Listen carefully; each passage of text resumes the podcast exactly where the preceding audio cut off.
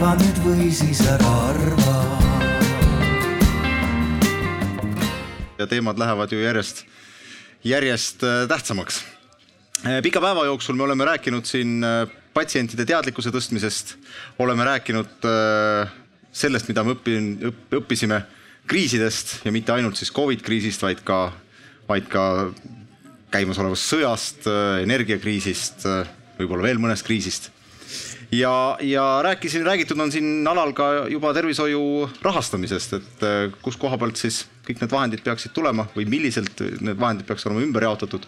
et pakkuda äh, jätkusuutlikut tervishoiuteenust. ja see on meie, meie tänase viimase arutelu fookus, et äh, kuidas, kuidas siis olukorras, kus me teame, et meil on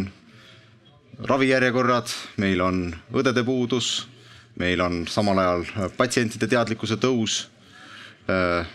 tõenäoliselt, kui te kuulate aastast aastasse, räägitakse sellest, et raha on alati vähe ja, ja raha peaks kuskilt juurde tulema, et kas see lahendab neid probleeme või mitte. ja püüame siis siin äh, järgmise tunni ja pooleteist jooksul seda teemat lahata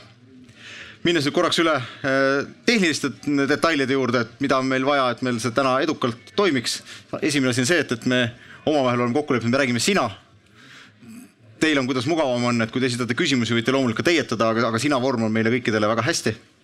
kui tahate küsimusi esitada, siis siin on selline tore stressikuubik, aga see tekitab stressi juurde, et te peate olema selle hästi lähedal, et siis saate esitada küsimused, siis on ta kuulda ja siis ta ilusti ka salvestub. ja kolmas siis äh, nii-öelda kommertslik teadaanne on see, et, et äh, nagu siin alal on kombeks juba olnud ka eelnevatel aruteludel kellelegi meile siin äh, kruusikesi ei anta pärast seda äh, etteastet ega muud meelehead ja kõik see, mis me siin panustame, annetatakse korraldajate poolt Ukraina laste heaks. Ennast jätsin tutvustamata, nimi on küll ilusti kirjas olnud, mina olen Randel Länts. Ma ei taha nüüd niimoodi disclaimer'ina seda öelda, et, et ma olen siin sedasi küll moderaatori rollis, aga ka natukene tavakasutaja rollis, et minu äh, kokkupuuted äh, meditsiinivaldkonnaga piirduvad tavaliselt arstivisiitidega ja, ja, ja tuttavatega, kellega oma kogemust jagada või siis midagi küsida. Mm, äh, doktor Google'iga olen ka loomulikult tuttav, nagu vist enamus meist, aga seda, seda doktorit ma väga ei usalda. aga kui nüüd hakata pihta, räägime siin tervishoiu reformist. pealkiri on selline huvitav, et mina pealkirja ka ise kuidagi seotud ei ole, et kes aias, kes aias, mulle meenutab see lasteaeda, kus meil äh, siis muusikaõpetaja hakkas klaverit ühel hetkel mängima ja siis me mängisime Kes aias, kes aias. ja, ja ma ei saanud kunagi aru, et mis selle mängu eesmärk on. et peale selle, et, see oli tore ja sai ringis käia, siis said kedagi seljast tõugata. et ma loodan, et see meie, meie tänane arutelu ikkagi noh, tuleb sellest ringmängu loogikast natukene võib-olla välja ja me jõuame, kui vähemalt ei jõua lõplikult lahendusteni, siis me jõuame noh, mingisuguse sellise mõttepärandi või ideepärandini, mida siit kaasa võtta ja mida tulevikus, tulevikus äh, aruteludes arvestada, millega. aga hakkame pihta, et äh, tervishoiusüsteemi reform, see kõlab sedasi noh, hästi suurelt, hästi kaugelt, hästi abstraktselt, aga me peame meeles pidama, et kõige selle keskel on tegelikult ju, ju inimene ja, ja võib-olla ma alustaksingi siis äh, Kadri sinust kui, kui äh, patsientide esindajast äh,. ole hea räägi nüüd mõne sõnaga lahti, mida siis on vaja patsientide jaoks, et tervishoiusüsteemi reform tõeliselt ka toimiks ja kõik need asjad, mida me soovime, mida me tahame, realiseeruksid. tervist mina olen siis eh, inimeste esindaja, nagu välja tuli, eks ole. Eh, väga tore, igapäevaselt töötan ma ka ajakirjanikuna, et selles mõttes see, see pealkiri minu jaoks on ka selline suhteliselt nagu eemale tõukav, ma tean, et toimetuses öeldakse kohe, et ei, ei, et sellist pealkirja küll ei pane, et, et keegi ei saa niikuinii aru, mida sa öelda tahad. aga, aga kui sa avasid Randel seda mm, natuke seda pealkirja, siis läks asi paremaks, et. see oli minu interpretatsioon. ja just ja, ja mulle see väga sobib, et ähm, kui me räägime, et äh, mida inimesed äh, võiksid ühest tervishoiureformist tahta, siis ausalt öeldes noh keskmine inimene ei tahagi mitte midagi sellest teada, tema tahaks, et asjad toimivad. ja kui asjad toimivad, äh, siis tal ei olegi oluline, et mis reform parajasti käsil on või mida siis parajasti parandatakse aga küsimused tekivad siis, kui äh, lubadusi ei täideta, ehk et noh, kui öeldakse näiteks, et kuue nädala jooksul me pääseme arsti juurde patsientidena, aga tegelikult me peame ootama oluliselt kauem siis me kindlasti tahame teada, mis siis toimub ja siis me tahame ka esitada küsimusi. Ja kõige demotiveerivam on, kui me saame siis nendele küsimustele selliseid ebamääraseid vastuseid, millest me üldse mitte midagi aru ei saa ja kui siis neid ähm, selliseid plaane, suuri plaane, mis muudavad juurteni süsteemi, kui selliseid plaane tehakse, siis kindlasti nüüd patsientide organisatsioonidel on tihtipeale sellised noh, kurvastushetked nendel hetkedel, kui ähm, noh, kõik, võtame ühe näite ka, siis on alati lihtsam rääkida, see viimane patsiendikindlustuse seadus, mis vastu võeti, noh, seda tehti hästi kaua, äh, mitu korda alustati, siis ta jäi pooleli, see selleks, noh, see käib elu juurde ilmselt. aga mm, see lõppes kõik sellega, et äh, kui umbes kaks aastat varem me olime jälle kõik väga panustanud, kirjutanud, äh, kuidas meile tundub, et seadus peaks olema rohkem tasakaalus patsiendi poole, sest meile tundus, et patsientidel võetakse vähemalt ajutiselt garantiisid vähemaks ja kõik kõigil teistel nagu antakse neid juurde, siis äh, tookord see sinna jäi, kuni siis umbes kaks aastat hiljem ühel äh, päeval, vahetult enne aastavahetust, me järsku saime teada, et nüüd ikkagi läheb see seadus, keegi võttis selle sahtlist välja, muutis selle ära ja läks ta nii kiiresti vastuvõtmisele, et jah, meile justkui tehti ettepanekuid, et jaa, te võite ju avaldada oma arvamust, aga arvestage, et niikuinii neid ei ole kellelgi aega arvestada ja, ja ma usun, et need on nüüd need kõige nõmedamad hetked äh, selles töös, mida, mida me patsientide organisatsioonides teeme. ja ma usun, et äh, see ei ole ainult tegelikult patsiendiorganisatsioonides, see on paljude, paljude osapooltega nii ja, ja võib-olla siis ka see, mida me oleme märganud mõningatel hetkedel, et, et riik kuidagi hästi kergekäeliselt tahab mõnikord ära anda oma ütleme siis valdkondliku korraldamise kohustust pärast võin ma siis avada ka seda teemat, aga, aga võib-olla siin siis äh, võiks äh, ühe näitena tuua mingite arengukavade kirjutamise, kus antakse näiteks ainult ühele osapoolele antakse siis ülesanne seda kava koostama hakata. meile tundub, et seda peaks tegema riik, sest tema peab nägema kogu pilti ja peab kõikide huvid arvesse võtma. Et see oleks nagu õiglane ja võib-olla viimase märksõnana ma ütleks ähm, sellise, äh, kuidas ma ütlen ma saan aru, et äh, kogu süsteem on maru suur ja siin ringleb hästi palju raha ja, ja haiglad on tohutult suured, aga kui minister ikkagi ütleb äh, avalikkusele, et teate, viis miljonit äh, ei olegi nagu mingi raha, et, et me peaksime nagu seda arutama, jutt käib siis ühe haigla riigihangetest äh, ja me ei saagi tegelikult inimestena teada, et kui palju siis võib-olla oleks kulunud vähem raha selleks, et äh, neid samu asju osta, siis äh, teise käega meile öeldakse, et aga kuule, anna raha juurde, sellepärast et äh, tead, meil ikkagi tervishoius raha ei jätku ja, ja üleüldse anna siis veel ka veel raha juurde, sellepärast et meil oleks vaja nüüd ka mõnedele lastele osta ravimeid, mida riik ei kompenseeri ega ei hüvita, siis, siis me tunneme ka, et me tahaks natuke teistsugust korraldust. Aitäh, ma haaran su sõnasabast selles mõttes kinni, et sa teise punktina puutusid, puudutasid neid äh, arengukavasid, et ma eeldan, sa eeldad valdkondlikke arengukavasid. Ja pöörduksingi selle, selles kontekstis siis äh, Tõnis Allik sinu poole, et sina esindad siin äh, erameditsiiniasutusi. kui me neid arengukavasid vaatame, siis ega seal erameditsiiniasutustest nagu suurt juttu ei ole noh, kui nüüd prostalt küsida, eks ole, et, et mis sa siin teed aga, aga tegelikult, et noh, et kuidas sa näed era, era, erameditsiiniasutuste rolli just selles reformikavas reformil? ja äh, aitäh kutsumast, et kui kutsuti, siis, siis ikka tulen. Ja, ja tõepoolest esindan siis äh, erameditsiiniasutusi äh,, kellel on olemas ka oma siis äh, ettevõtete loodud liit, EETAL, Eratervishoiuasutuste äh, Liit. olen ka selle juhataja hetkel. ja äh, olen töötanud varasemalt ka äh, nii-öelda riigihaiglas ja riigi poole pealt, nii et nii-öelda oskan seda mõlema, mõlema poole pealt asja vaadata. Aga võib-olla enne, kui, kui nüüd konkreetsele küsimusele vastan, siis, siis äh, eratervishoiuasutused üldiselt on käsitletud siis kui eriarstiabi pakkuvad äh, asutused, tegelikult äh, enne oli siin ka juttu, et noh, meie tervishoid on üldse korraldatud äh, nii-öelda eraõiguslikult, et tegelikult kõik teenuse osutajad on ühel või teisel moel siis või on juriidilised isikud ja, eraõiguslikud, aga lihtsalt haiglad valdavalt on siis riigi või kohaliku omavalitsuse omanduses ja nii-öelda eraomanduses on ka väga suur osa äh, sektorist äh,, terve äh, peremeditsiin toimub, on tegelikult siis eraomanduses. Äh, valdav osa hambaravist on eraomanduses äh, ja siis äh, nii-öelda eraomandus ulatub õendusabisse, suures osas umbes pool õendusabist on eraomanduses või teenust osutatakse ja, ja natukene erakapital ulatub ka kiirabiteenusesse. aga jah, mina siis esindan rohkem praegu eriarstiabi poolt ja siin äh, Eetali poole pealt vaatuna on, on küll äh, teemasid, äh, mida lahata, et no kuidas see nii-öelda solidaarne kindlustus, ravikindlustus, mida siis, mille raha Haigekassa või mille, mille, mille eest siis Haigekassa maksab kindlustatute raviarved kinni, et kuidas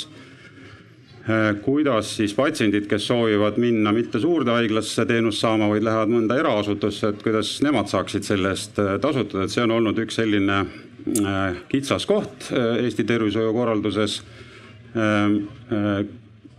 kuna siis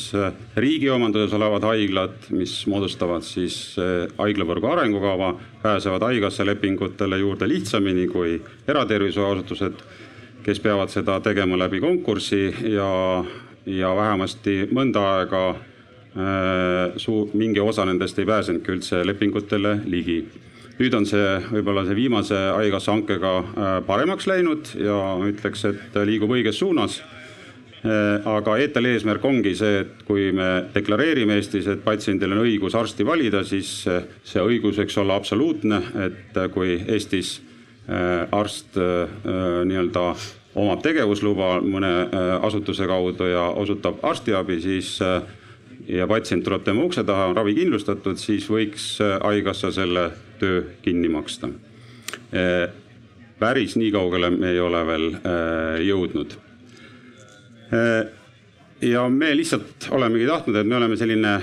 natukene nähtamatu ja väike osa Eesti tervishoiust, aga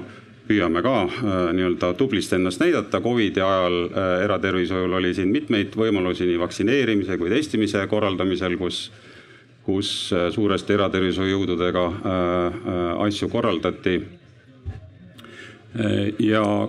kui nüüd rääkida reformist laiemalt, siis kus, miks mitte, võiks ka eratervishoiu nii-öelda võimekust kasutada, siis noh, laias laastus mina ütleks niimoodi, et Eesti tervishoid on hästi korraldatud ja kunagised reformid on pikalt töötanud ja arstiabi on Eestis üldiselt äh, päris hästi äh, kättesaadav. ja kõige suurem väljakutse, mis on noh olnud läbi aegade ja mis tasapisi muutub üha akuutsemaks, on ikkagi äh, mil, kuidas peaks olema arstiabi korraldatud ütleme siis väljaspool Tallinnat, Tartut, Pärnut ja Kohtla-Järvet ehk siis äh, kõik, kõikides ülejäänud maakondades, äh, sest Eesti on hajaasustatud äh, riik. Ja lihtne on öelda, et tervishoid on efektiivselt korraldatud, kui see asub neljas linnas ja mujal pole vaja, aga tegelikult ikka vist on vaja, et see on võib-olla sellise tervishoiureformi kõige suurem väljakutse perspektiivis. Aitäh, ähm, Maarja Mändmaa, sa oled olnud sotsiaalministeeriumi kantsler nüüd teistkordselt, eks ole,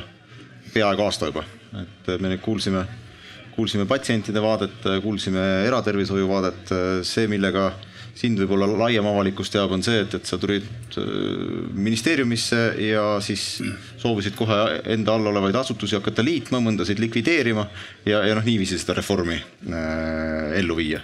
et räägid äkki sellest lahti ja, ja sellest ideest, mis seal, mis seal taga on mm? -hmm. aitäh ka kutsumast ja võimalusest siis tutvustada seda, mida me teeme, et äh, põhimõtteliselt riigiteenistujatena, äh, keda siis äh, ministeeriumi ametnikud ja ametite ametnikud esindavad. et ega meie eesmärk on ju see, et teha kõik selleks, et Eesti riik ja rahvas püsiks ja kestaks tegelikult nagu kõik meie tegevused on, on sellest kantud. ja kui nüüd vaadata, et mis siis tagab selle, et Eesti rahvas kestaks, siis tagab ikkagi hea tervis ja selline hea elukvaliteet. Ja, ja nüüd juba varasemalt on tegelikult äh, targad äh, osapooled ju pannud kokku rahvastiku tervise arengukava, mis tegelikult raamistab seda, mis üldse meil Eestis nagu tervishoius ja siis ka siis tervise äh, edenduse, ennetuse maailmas peaks nagu toimuma, et see on selline katusdokument ja, ja kui vaadata siis, mis on seal välja toodud sellised probleemid täna Eesti siis tervisesüsteemis laiemalt, et siis ongi mure sellepärast, et meie inimeste eluiga küll kasvab aga see kvaliteetselt elatud äh, vanus, see jääb ikkagi kõvasti nagu allapoole soovitust, et äh, ütleme, kolmkümmend aastat äh, oma viimases otsas inimene keskmiselt elab mingisuguse vaegusega, ei tule sellega toime ja siis muidugi on meil probleem sellega seoses, et meie noh, see tervis on ka selline mõnes mõttes nagu ebavõrdses olukorras, inimesed on ebavõrdses olukorras terviseteenuste eh, kättesaadavuse osas ja ka oma tervisenäitajate poolest. inimesed, kes elavad eh, siis sealsamas hajaasustatud piirkondades või on vaesemad, et nende tervisenäitajad tunduvad olevat kesisemad kui nendel, kellel on siis võimalik eh, maksta veel täiendavalt terviseteenuste eest või kes on siis koondunud ka, ka siis elukeskustesse aga ja noh, ja siis sellest ressursist me täna ei räägi, sest et seda on vähe kõikjal, mitte ainult Eestis, vaid ka teistes riikides, eks ole, et seda võiks ikka olla ja, ja maksuraha võiks ikka inimeste käest eh, rohkem küsida. aga et ikkagi selle veel nende probleemide, teiste probleemidena ära markeerida, siis on meil kindlasti probleem ka sellega, et meil puudub nagu selline võimekus tegeleda siis mittenahkuslike terviseriskidega, et äh, üha enam maailm areneb, meil tekib probleem sellest, et inimeste tervisekäitumine on kehva, sealt tekivad probleemid, äh, mis kahjustavad inimeste tervist ja siis äh, omakorda toovad inimesed sellesse tervisesüsteemi. et nagu see on valdkond, millega me peaksime tegelema ja, ja siis muidugi ka inimeste selline noh, tähendab, et üks asi veel enne seda on, on, on ka meie siis selline digitaalne areng, areng, et me oleme öelnud seda, et me oleme tohutu e-tervise või üldse e-teenuste maa. aga kui me vaatame, eh, millised lahendused meil on selles e-tervise maailmas, siis me oleme sellised õhinapõhised, on sellist, eh, sellist süsteemset lahendust on pisut tagasihoidlikumalt, on küll väga head algatused olnud, aga seda, seda meie kvali-, nii-öelda teadmist ja kompetentsi e-teenuste osutamisel võiksime palju rohkem ära kasutada, seda enam ka, et järjest enam tuleb ju tehnoloogia vallas rakendusi, mis toetavad seda inimese teadlikku käitumist ja nii-öelda iseenese tervise jälgimist. nii et mõningaid aspekte, mida selles maailmas parandada on palju nüüd äh, selles jutus, mis ma räägin, ei ole midagi uut ja see, kui mina ka ministeeriumisse tulin, siis tegelikult, kui vaadata, milliseid äh, needsamad arengukavad on koostatud, eks ole, millised on koostamisel, ütleme Eesti ravimipoliitika suunad kaks tuhat kakskümmend, äh, kaks tuhat kolmkümmend, haiglavõrgu arengukava kaks tuhat nelikümmend, millel nüüd, mille jaoks koostatud analüüsi on siin tutvustatud ka erinevates meediakanalites, eks ole. meil on praegu koostamisel esmatasandi arengukava koos erinevate osapooltega, meil hulgas noh, vaadatakse lisaks, eks ole, perearstidele, pereõendusele tegelikult ka teisi olulisi osapooli, kes toetavad seda esmatasandi tegevust. et iseenesest nagu tegelikult selles mõttes nagu reformi pole vaja, lihtsalt mis, mida mina näen, on see, et me räägime ja räägime ja oleme rääkinud ja ilmselt jääme veel rääkima. see, mida ma Sotsiaalministeeriumis äh, olen algatanud, on see, et võtaks nüüd need rakendusasutused, kes tegelikult riigi poolt ja riigiteenistujana peavad tagama, et kõik need eesmärgid saaksid täidetud ja me hakkaksime sinna suunas liikuma. et selleks on vaja ühte head, kompetentset, tugevat rakendusasutust, siis see on olnud selle asja nagu mõte, et luua selleks, et kõik need toredad, mõistlikud, asjakohased dokumendid, mis on loodud, nende eesmärkide suunas ka liikumiseks nüüd ikkagi siis äh, päriselt tegevuskavad ja hakkame seda elu elama, mis on inimeste poolt kirja pandud, et see on selle reformi mõte. aga kindlasti noh, mina jällegi ka sellise avaliku haldajana ütlen, et ma ei tähtsustaks seda üle, täpselt olen nõus siin patsientide esindajaga, et tegelikult patsiendi jaoks vahet ei ole, et äh, mis reform kuskil tagatoas käib. see ongi teenuse osutajate, teenuse keskkonna korraldaja asi luua, vaadata, et inimene saaks teenust, mida tal vaja on. patsiendi jaoks on tähtis, et see asi toimiks ja kui me siia juurde paneme nüüd patsiendi viimaste aastate või inimeste inimeste ootused, et teenus on inimese keskne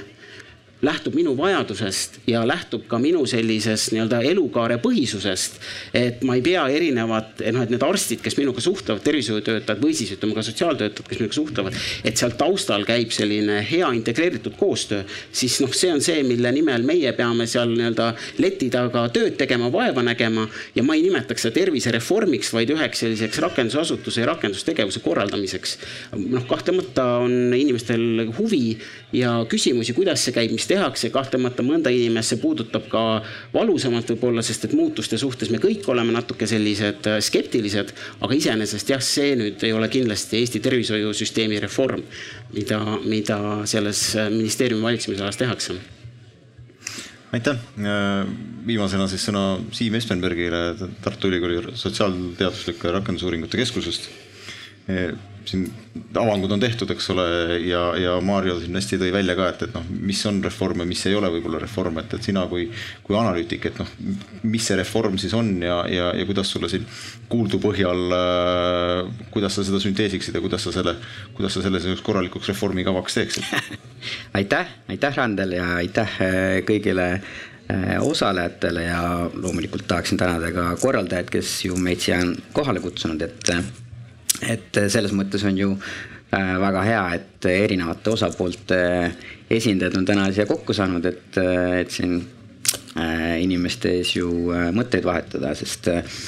sest ega, ega neid teemasid ja, ja keerukusi, mis selles tervishoiusüsteemis on, neid jagub omajagu. ja, ja mis ma selle juures nagu tahaks võib-olla lihtsalt eraldi välja tuua, on see, et ka siin võib-olla eelkõnelejate seas mõned sellised võib-olla eriarvamuse pojad hakkavad tekkima või sellised, mis me vaatame, kuidas meil debatt läheb. et isegi kui meil neid eriarvamusi on,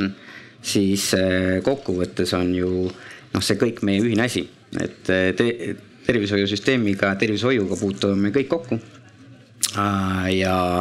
ja seega see on niivõrd tähtis asi, et isegi kui me midagi arvame erinevalt, eh, siis oluline on see ühine osa üles leida ja see koostöö nagu äh, noh, koostööd hoida, koostööd algatada, koostööd äh, siis teha, et äh, lõpuks jõuda nendel kokkulepetel, mida me teeme, miks me teeme ja olla sellega nagu selles mõttes sellises konsensuses, loomulikult kõik ei saa lõpuni rahul olla. aga, aga konsensus, ma arvan, et sellise olulise teema puhul on oluline. ja, ja no ma e-, enda rollis siin mõnes mõttes tooks välja võib-olla selle, et jah, ühelt poolt no kuna me kõik ju tervishoiusüsteemiga mingil määral kokku puutume, nagu Randel ütles, et kasvõi arsti juurde minnes, siis äh, siis, äh, siis eks selline seos on, on mul endal ka ja muide, selles mõttes ma julgustan kindlasti kõiki osalejaid, kuulajaid äh, ka arvama, küsima, mõtlema kaasa. aga,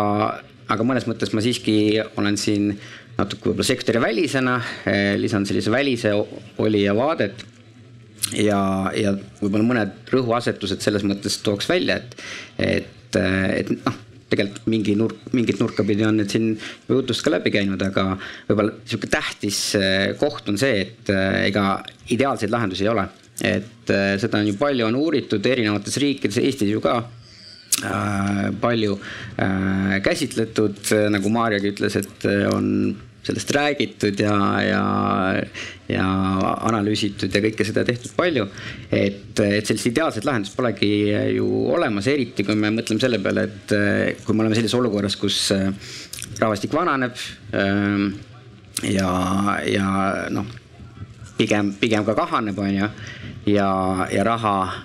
selle kõige jaoks, äh, selle tervishoiusüsteemi jaoks prognooside järgi jääb järjest vähemaks, noh et, et hoida seda sellisel tasemel, nagu ta meil praegu on. Äh, nii et, et äh, muidugi selle juures oluline on silmas pidada ka seda, et äh, ega tegelikult paljud asjad on ju väga hästi, on ju. et, et me ei saa nagu, kui me hakkame midagi reformima, midagi muutma, on ju, me peame olema nagu päris veendunud, et kokkuvõttes me saavutame midagi paremat, saame parema tulemuse, et kui me hakkame otsast midagi muutma ja teisest otsast nagu laguneb rohkem, on ju, siis meil kokkuvõttes see asi nagu ei täida seda eesmärki. Äh, mingisuguse piloot, mingi asja, mingi väikse asja puhul võib seda ju niimoodi testida katsetada, aga niivõrd suure ja tähtsa äh, asja puhul nagu tervishoiusüsteem äh, seda teha ei saa. või noh, igatahes ei ole see väga mõistlik. nii et, et,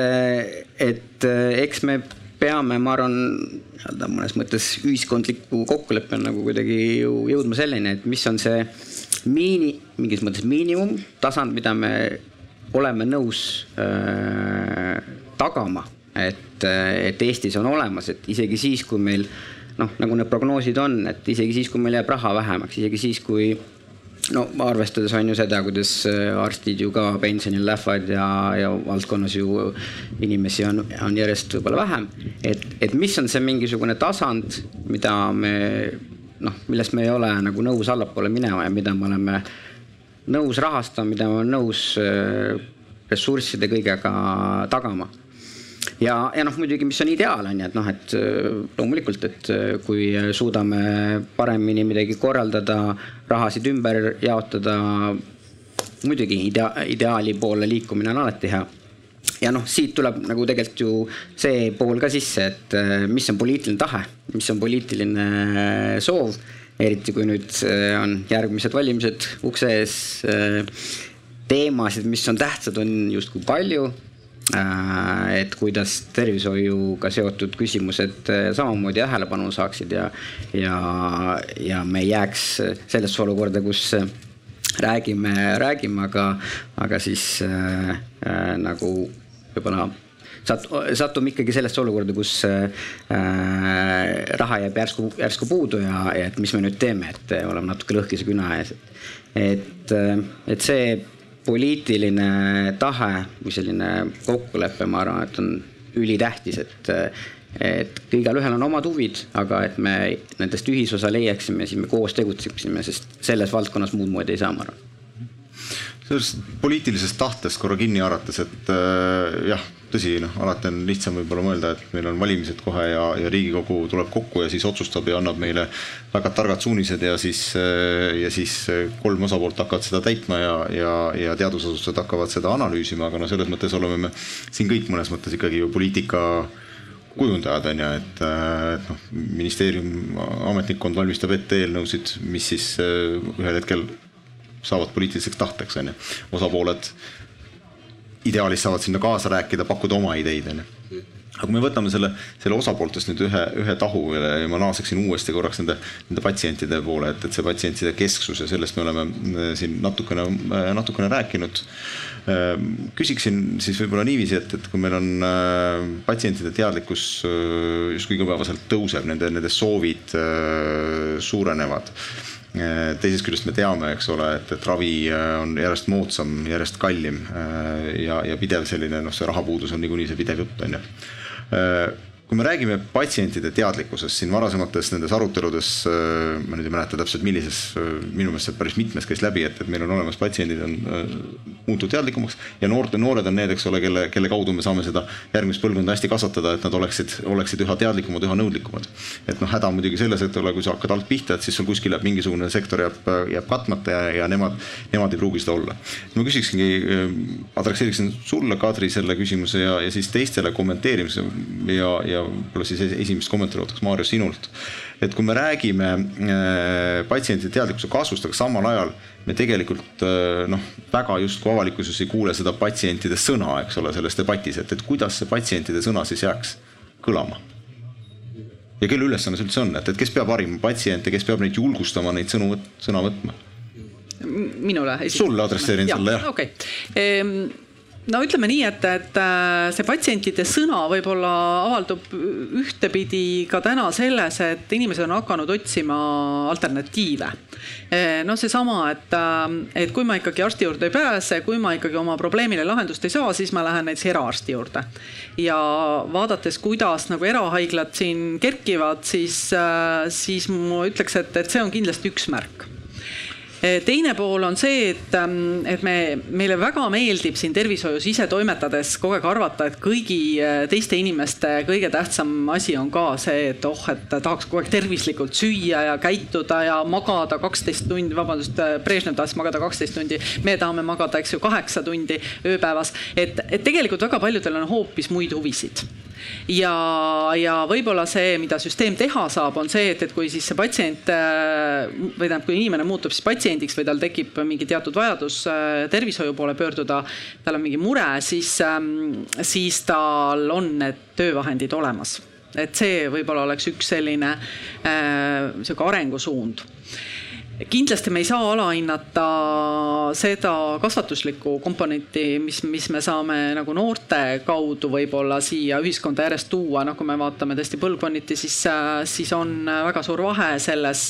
kuidas me suhtume oma tervisesse. Ja, ja noortel on, kuidas ma ütlen ikkagi teatud motivatsiooni paremini käituda, sest, sest midagi ei ole teha, nad vaatavad samamoodi, et kaua inimesed elavad, vaatavad oi-oi-oi, et ma pean veel kaheksakümne või üheksakümne aastani elama, et no äkki ma peaks siis kuidagi tervem ka olema, et kuidas ma siis need viimased paarkümmend aastat muidu hakkama saan. Ja võib-olla me peaksime ausad olema ka selles suhtes, et ütlema patsiendile, et kuule, sul peab endal ka raha olema. Sellepärast, et mulle tundub, et praegu ka väga palju äh, jääb selle taha, et äh, inimesed justkui loodavad, et riik teeb kõik nende jaoks ära satuvad äh, kuskile tervishoiuasutusse ja siis nad tahavad nagu kõike ja lõpuni kõike ilm riigi raha eest. Äh, no mina olen ikka alati oma vanematele tuttavatele või keskealistele öelnud, et sul peab olema raha hammaste jaoks ja prillide jaoks ja kuuldeaparaadi jaoks ja kõikide selliste asjade jaoks, mis äh, paratamatult su ellu tulevad ühel või teisel moel, jah, võib-olla sa saad neid natuke odavamalt, võib-olla natuke kallimalt, aga, aga sa ei pääse nendest praktiliselt et, äh, et need on võib-olla sellised, ähm, sellised märksõnad, jah, ma tean, et, äh, et võib-olla ootate midagi muud, aga, aga saategi siis äh, võib-olla natuke oponeerida mulle. Maarja no kui inimene on muutunud juba patsiendiks, siis on tegelikult äh, ikkagi päris raske äh, oma sõna kuuldavaks, minu isiklik arvamus, teha. ja just nimelt sellepärast, et kui sa oled haige, siis sa tahad terveks saada ja, ja, ja sa oled valmis päris palju selleks ohverdama, päris palju sellest maksma nii et selles suhtes minu arvates peaks tegema kõik selleks, et, et me võtaks kuulda, kuidas tervislikult elada ja tegeleks sellega enne, et inimene patsiendiks saab. aga olles pikalt tegelenud näiteks psüühilise erivajadusega inimestega, vaimse tervise siis psüühiliselt haigete inimestega, siis seal on, on kogu noh, siiamaani äh, on olnud see dilemma, et kes tegelikult adekvaatselt nende inimese eest kõneleb. et nende inimeste häält peaaegu mitte kuskilt välja ei kostu ja kõik need, kes nende inimeste sõna võtavad, noh, teevad seda ka läbi teatud filtri. nii et, äh, et selles suhtes on ilmselt hästi keeruline, et, et tõesti kujutada ette, et patsientide esindus saab olema sama tugev äh, laua taga läbirääkija, kui ma ei tea, täna näiteks on tööandjad ja ametiühingud kasvõi. et äh, see, see võiks olla üks väljakutse, millega tegeleda kindlasti. aga siis pigem jah, võiks tegeleda sellega, et mida teha üldse, et inimene ei muutuks patsiendiks ja ma arvan, et siin on noh just mõeldes, mis, mis kõik inimese tervist mõjutab tänapäeval, et, et siin tegelikult meie kodanikena peaksime olema nõudlikud selles osas, et ma ei tea, kasvõi meie teed ei tolmaks, et meil ei oleks müra, et meil, et me ei kukuks, eks ole, ei vigastaks ennast. Ja noh, et tõesti, kui vaadata ilmselgelt ka, millised on need terviserikete peamised põhjused, et noh, see, see on see, millega me peaksime sundima oma keskkonda, iseennast käituma, muutma selliseks, et, et me ei muutuks äh, patsiendiks et, ja et me nõuaksime siis ka teistelt osapooltelt ennetavaid tegevusi, nii et ainult tervishoiusüsteem ei peaks sellega tegelema. Ja ma olen nõus, et, et tegelikult äh, patsient selles mõttes peaks võtma oma vastutuse ka rahaliselt või noh, inimene peaks olema valmis, et millegi eest peaks ise maksma, aga noh, täna, kui vaadata Eesti inimeste osakaalu tervishoiukuludest, et siis see kahtlemata on natuke, natuke liiga palju, et äh, see võiks olla ikkagi palju väiksem, et kakskümmend neli, kakskümmend viis protsenti maksta peale, et seda on liiga palju. Nojah, aga siin peaks võib-olla mõtlema selle peale, et, et peaks sellega hakkama varem tegelema, eks, et noh, me peame olema nagu ausad juba varem, et tihtipeale täna on inimestel ikkagi see ootus, et nad ei tea sellest mitte midagi, neil on justkui jäänud mulje, et tervishoid on tasuta, tegelikult ta seda ei ole ja ta ei saa seda ka kunagi olema, et me peaksime kuidagi seda varemini ütlema. ja, ja, ja mis puudutab patsiendi häält, siis see hääl tegelikult saab just nimelt kuuldavaks arstikabinetis et enamasti saab ta kuuldavaks seal äh, arstiga koos siis suheldes ja, ja siis hakkab tegelikult äh, inimene kõige paremini mõtlema. et muidugi me võime ju öelda, et me tahame seda ja, ja, ja väga palju järjest rohkem inimesi ka tegelikult ju tegelevad oma tervise hoidmisega, aga, aga, aga tegelikult ka väga paljud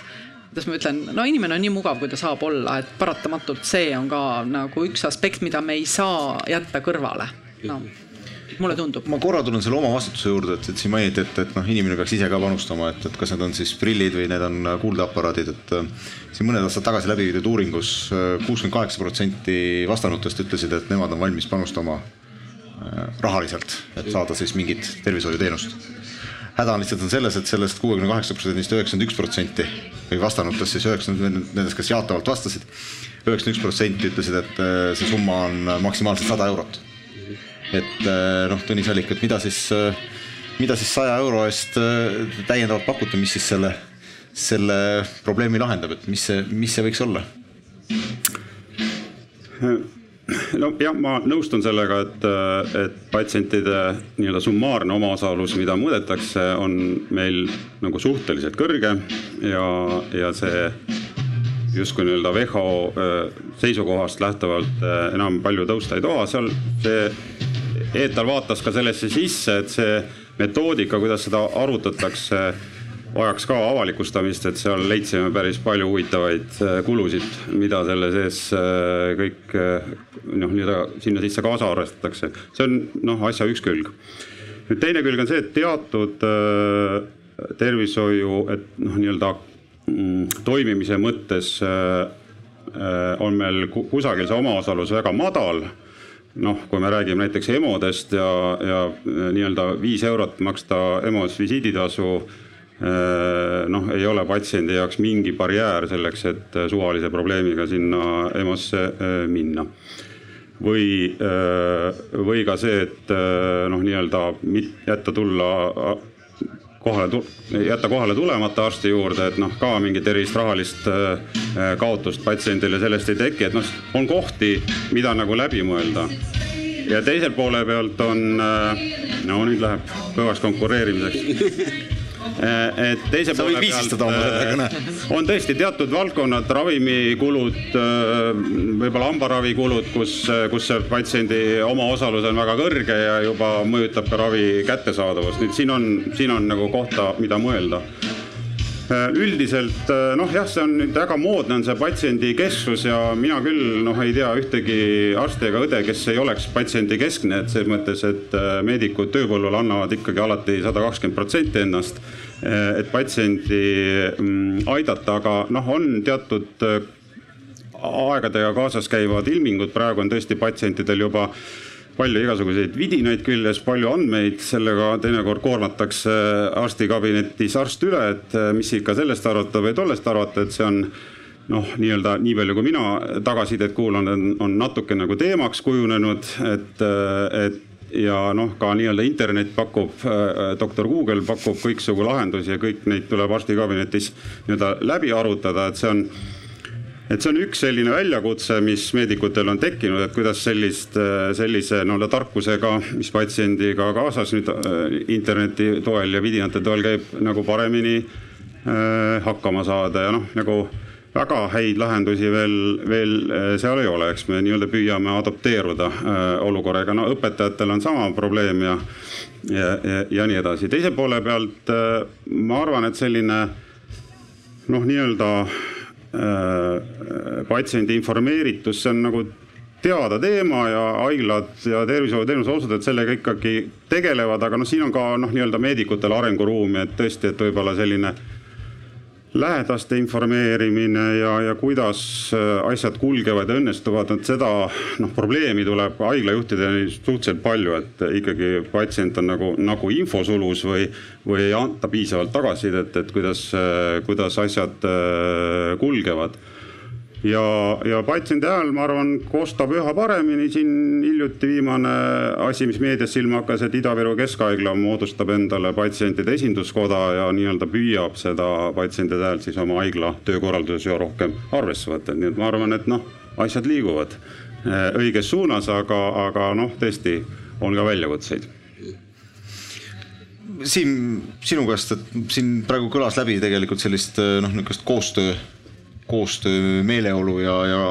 ja, ja soovi on ju, et noh, ilmselgelt, et, et kui siin kolm inimest või kolm, kolm, kolm lähenemist oleksid väga sellise silotornistunud, et siis me ei jõuakski mingite lahendusteni, et ja, ja viimased aastad on meile pakkunud ka äh, erinevaid kogemusi äh, heast ja, ja võib-olla natukene parandamist vajavast koostööst, et, et kuidas sa seda, ütleme niimoodi koostöö, koostöövõtmes äh, jällegi Ehm, süsteemi vaataksid, kuidas sa seda analüüsiksid, mis, millised üks, kaks, kolm soovitused sa anna, sa annaksid, et noh, konsensus, millest sa enne rääkisid, noh, see on selline koostöö ülim vorm, eks ole, et aga, aga noh, üks, kaks, kolm, et mis, mis võiks olla? jaa, no ma ei tea, ma võib-olla esimese punktina puudutaks seda ennetustööd, mis minu arust nagu siin tegelikult kõigi, kõigist nagu läbi käis, et et ju uuringud ka ju see, räägivad selles mõttes selget keelt, et, et ennetustööl on väga suur äh, mõju äh, selles, et inimesed oleks, elaksid äh, võimalikult kaua tervelt ja, ja samamoodi tervishoiusüsteemi jaoks nii-öelda oleks seda kulu ja, ja kõike seda vähem. nii et, et noh ilmselt ennetustöö on, on, on see koht, kus on äh, väga palju äh, võimalik veel ära teha, aga ma samamoodi nõustun sellega, et ega, ega me oleme ju kõik inimesed, et see ennetustöö on, on oluline ja kõik osapooled saavad sellesse panustada ja, ja, ja inimesed ise ju samamoodi. aga, aga noh, see, see kindlasti ei lahenda seda probleemi lõpuni et, et tervishoiusüsteemi äh, see nagu lõpuni ei muuda. nii et, et, et selles mõttes see teine teema, mis siin nagu äh, ka päris palju läbi käis, on see patsiendi omaosalus või kui palju me ise maksame. Äh, noh, siin on, ütleme, need uuringud ja analüüsid võrdlusriikide, teiste riikidega võrreldes ütlevad ka ju selgelt, et, et meil justkui on see sellest piirist oleme me nagu kõrgemal, mis on nagu sihuke soovituslik. kui me vaatame äh, patsientide kulusid tervishoiule. Äh, noh, kindlasti on seal metoodika küsimus ja nii edasi, on ju, aga noh, kui võrrelda riikidega, kus nagu sarnaselt seda mõõdetakse, siis, siis nii ta on. aga, aga noh nüüd, mis seal nagu minu arust on nagu tähtis koht on see, et, et äh, võib liikuda igas suunas. aga oluline on see, et, et kui me liigume näiteks rohkem selles suunas, et patsientidel oleks, äh, oleks suurem roll endal äh, selle teenuse kinnimaksmisel, äh, siis, siis me peame seda nagu tegema selles mõttes targasti, et, et need ütleme, vaesemad ühiskonnagrupid, haavatavamad ühiskonnagrupid, kes ka praegu pigem satuvad nagu sellisesse keerulisema olukorda, nende ütleme kasutatavast rahast, mis neil on, on see sissetulek, toetus, mis iganes. Äh, on nagu suurem osa läheb tervishoiukuludele kui neil, kellel on rahaliselt äh, hõlpsam elu, nii et, et, et, et need kohad, kus, kus seda muuta, vajavad, ma arvan, nagu päris tõsiselt, tõsist mõtlemist, et, et me nagu ei tegelikult olukorda hullemaks ei teeks. ma tulen selle asja juurde tagasi, et kui me midagi muudame, et me ei taha, et okei okay,, midagi saab paremaks, aga me ei taha, et midagi läheks hoopis hullemaks, nagu märksa hullemaks, et siis, siis me ei võida kokkuvõttes midagi. Tõnis Allik, tahtsid kommenteerida, Maarja, sa tahad ka, eks? ma toon nüüd korra siia, et, et noh, oleks natuke nii-öelda elektrit kõhus, toon sellise natukene sihukese eratervishoiu äh, vaate siia sisse, et, et et noh, meie nagu propageerime või, või meie eesmärk on, et tervishoius oleks rohkem äh, konkurentsi ja, ja,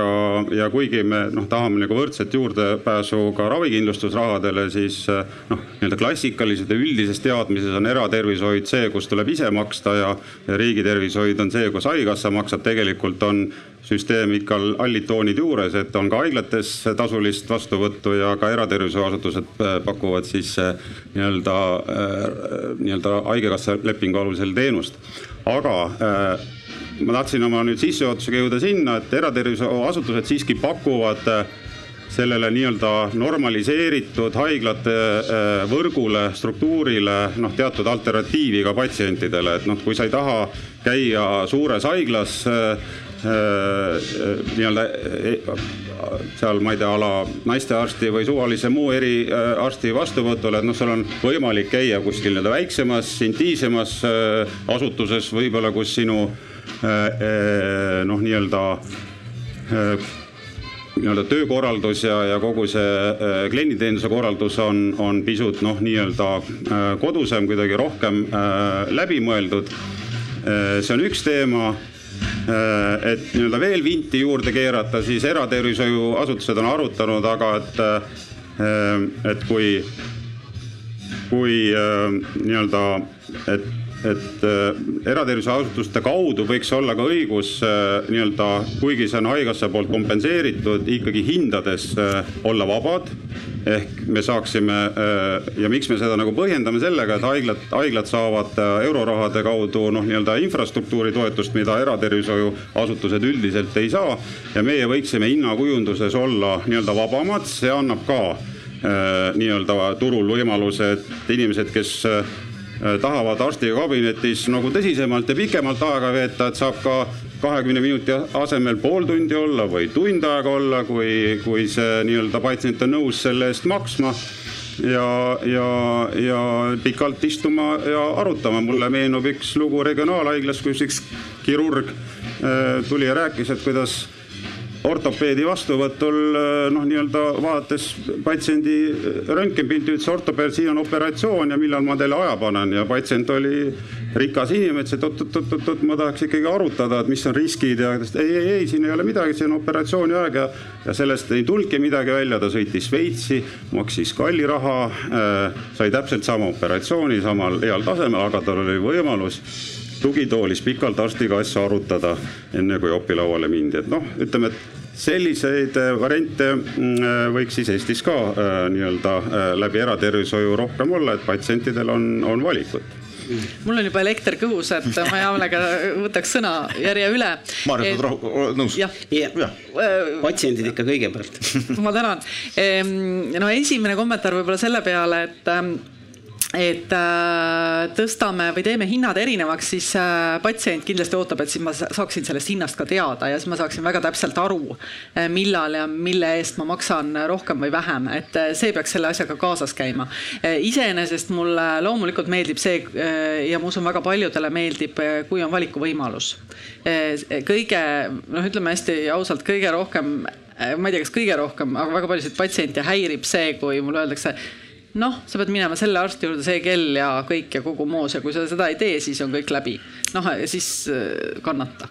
et, ähm, et see on kindlasti ka nagu, äh, nagu üks märksõna ja võib-olla patsiendikeskuse kohta ütleks, äh, minul on ettepanek et ähm, kui me räägime patsiendikeskusest, siis räägimegi päriselt, äh, et mitte, et arstid teavad ka, kuidas on patsiendikeskne või et äh, regulaator teab ka, kuidas on patsiendikeskne, vaid tegelikult ikkagi patsient teab, kuidas on tema keskne, sest äh, teistel on loomulikult hea tahe, ma selles üldse ei kahtle, et kõigil on väga hea tahe alati neid reforme ellu viia. aga paratamatult nad näevad seda enda vaatevinklist, et kuidas nende protsess kõige paremini jookseb see ei pruugi olla patsiendile kõige parem ja see oli see võib-olla ka see mm, ettepanek, et miks riik peaks mõtlema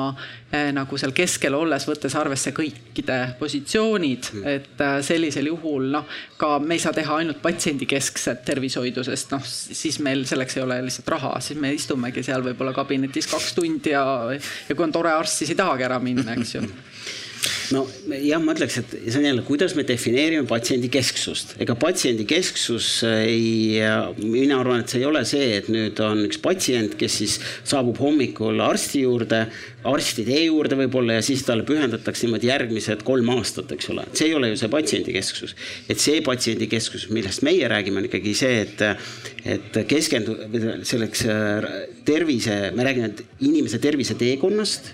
tema siis äh, vaatamisest nii-öelda terviseluubiga et äh, tema vajaduste ja probleemide lahendamisest, võttes arvesse seda tema nagu elu tervikuna ja keskendudes sellele probleemile, vajadusele, mis tal on. piiratud ressursside tingimustes on see eriti oluline veel, et teha selgeks, et kus tegelikult on probleem ja et kui me oleme selle probleemi asunud nüüd ravima, siis me teeme ka kindlaks, et see inimene ei lähe kolme nädala pärast sedasama nii-öelda haiguse tekitamise teed ja siis on ta meil jälle siin tagasi. et nagu see on minu arvates hästi oluline seal pat-, selle patsiendi kesksuse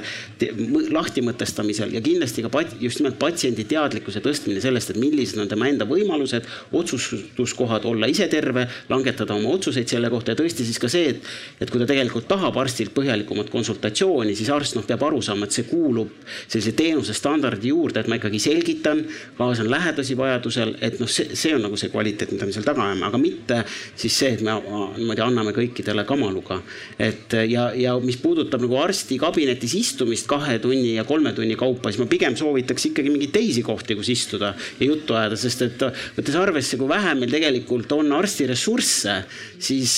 siis selle aja võib-olla, kui noh, jutt on tõesti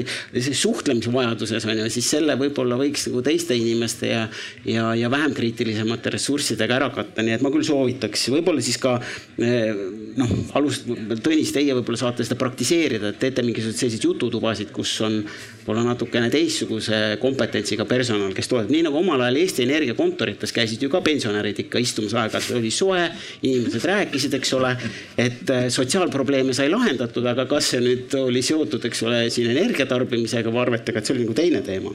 et, äh, et just nagu mõeldes nendele piiratud ressurssidele tervise, tervishoiusüsteemis, siis võiks otsida neid alternatiive, mis toobki jälle selle koha juurde, et kui me ikkagi natukene tahaks mingisugusest reformist rääkida siis minu arvates üks asi, mida me peame hakkama jõulisemalt sisse viima, on just seesama sotsiaal- ja terviseteenuste integratsioon. just nimelt äh, võttes arvesse ka neid häid praktikaid, mis on täna olnud äh, siin paikprojektid, insulditeekonnad, et just nimelt nagu ennetada läbi selle uuesti süsteemi kukkumist ja siis inimeste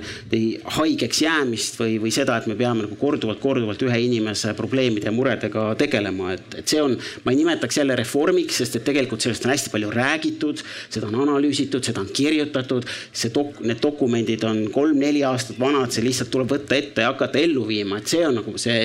teeme ära, see on see, millega me peame siin Eesti riigis minu arvates nagu rohkem äh, toimetama, et on hea, et on arvamusfestivalid, me saame arvamusi avaldada, aga tahaks, et me teeksime ka tegusid sealjuures. ja muidugi ma usun, et äh, noh, lihtsalt jälle riigiametnikuna ja, ja ma usun, et eratervisesüsteemis on väga palju toredaid privaatseid äh, vastuvõtuvõimalusi, aga ma, mina, ma olen saanud ka suurepäraseid äh, privaatseid vastuvõtte ka siis nii-öelda riigi rahastatud haiglates, nii et selles suhtes kindlasti need äh, ei, minu arvates on head samal tasemel, et. nagu Maarja ütles, et me arutame hästi palju, eks ole, ja peaks rohkem tegusid olema, siis ma siis püüan näidata eeskuju, et me oleme siin rohkem kui ühe akadeemilise tunni juba istunud, et ja mul on siin moderaatorina muidugi võimalus püsti tõusta ja tuua mikrofon kellelegi, kes, et me siin kaasaks teid ka ja mina saan siis liigutada ja, ja ennetada, ennetada haigusi. siin on küsimus. siis niimoodi mikrofon ja, ja ütle nimi ka ja siis saad edasi visata seda järgmisele inimesele. ja aitäh, Kristjan äh, on nimi ja ma jäin mõtlema kuulates, et äh, loomulikult on arusaadav, et arstiaeg on kallis ja ta ongi kallis, on kõrgelt välja õppinud spetsialist ja meenus üks näide kunagi, kui ma ei eksi, Saksamaalt, kus äh, võeti kasutusele robot selleks, et liigutada äh, proovimaterjale laborist ühest kohast teise, sest äh, roboti aeg oli odavam kui inimese aeg. aga võib-olla see jututoa vajadus äh, noh, kas siis Eesti Energia näitel või, või, või siin arsti näitel on, on tingitud ka sellest, et patsiendil ongi nagu reaalne infovajadus äh, tema terviseseisundi kohta ja kuidas ta peaks käituma ja nii edasi. aga võib-olla seda infot ei pea ilmtingimata rääkima arst, võib-olla võiks olla ka rohkem mingisuguseid valmis infomaterjale äh, või viise, kuidas seda nii-öelda teavet saada nii patsiendil endal kui tema lähedastel, näiteks digiloo kaudu või kuidagi et äh, seeläbi saab ju arsti aega kokku hoida ja, ja samas patsiendi selline infovajadus on kaetud, et kui sa sealt olles, olles ise ka operatsioonil aastake tagasi käinud, et, et ega väga palju ei jäänud meelde, kui äh, narkoosist üles ärkasid ja siis arst kiirelt natukene rääkis, et äh, aga, aga kui pärast raviloo kokkuvõttest või noh, kusagilt on võimalik lugeda, et mis ma siis tegema pean või et, äh, et mis mu järgmised nagu näidustused on, et, et see, see võib-olla oleks kasulik, et, et võib-olla saame jah, ka patsiendi kesksuse puhul nagu mõelda, et noh, mis see tegelik probleem on, et miks, miks minnakse jutustama näiteks või et äh, noh, ka mida tähendab see, et, et patsient peab kaua ootama teinekord, et võib-olla piisaks sellest, kui ta saaks ka näiteks õe vastuvõtul eraldi või nii, et mhm. aga jah, aitäh. nii, Kadri, mis see patsient siis peab mis see patsient peab,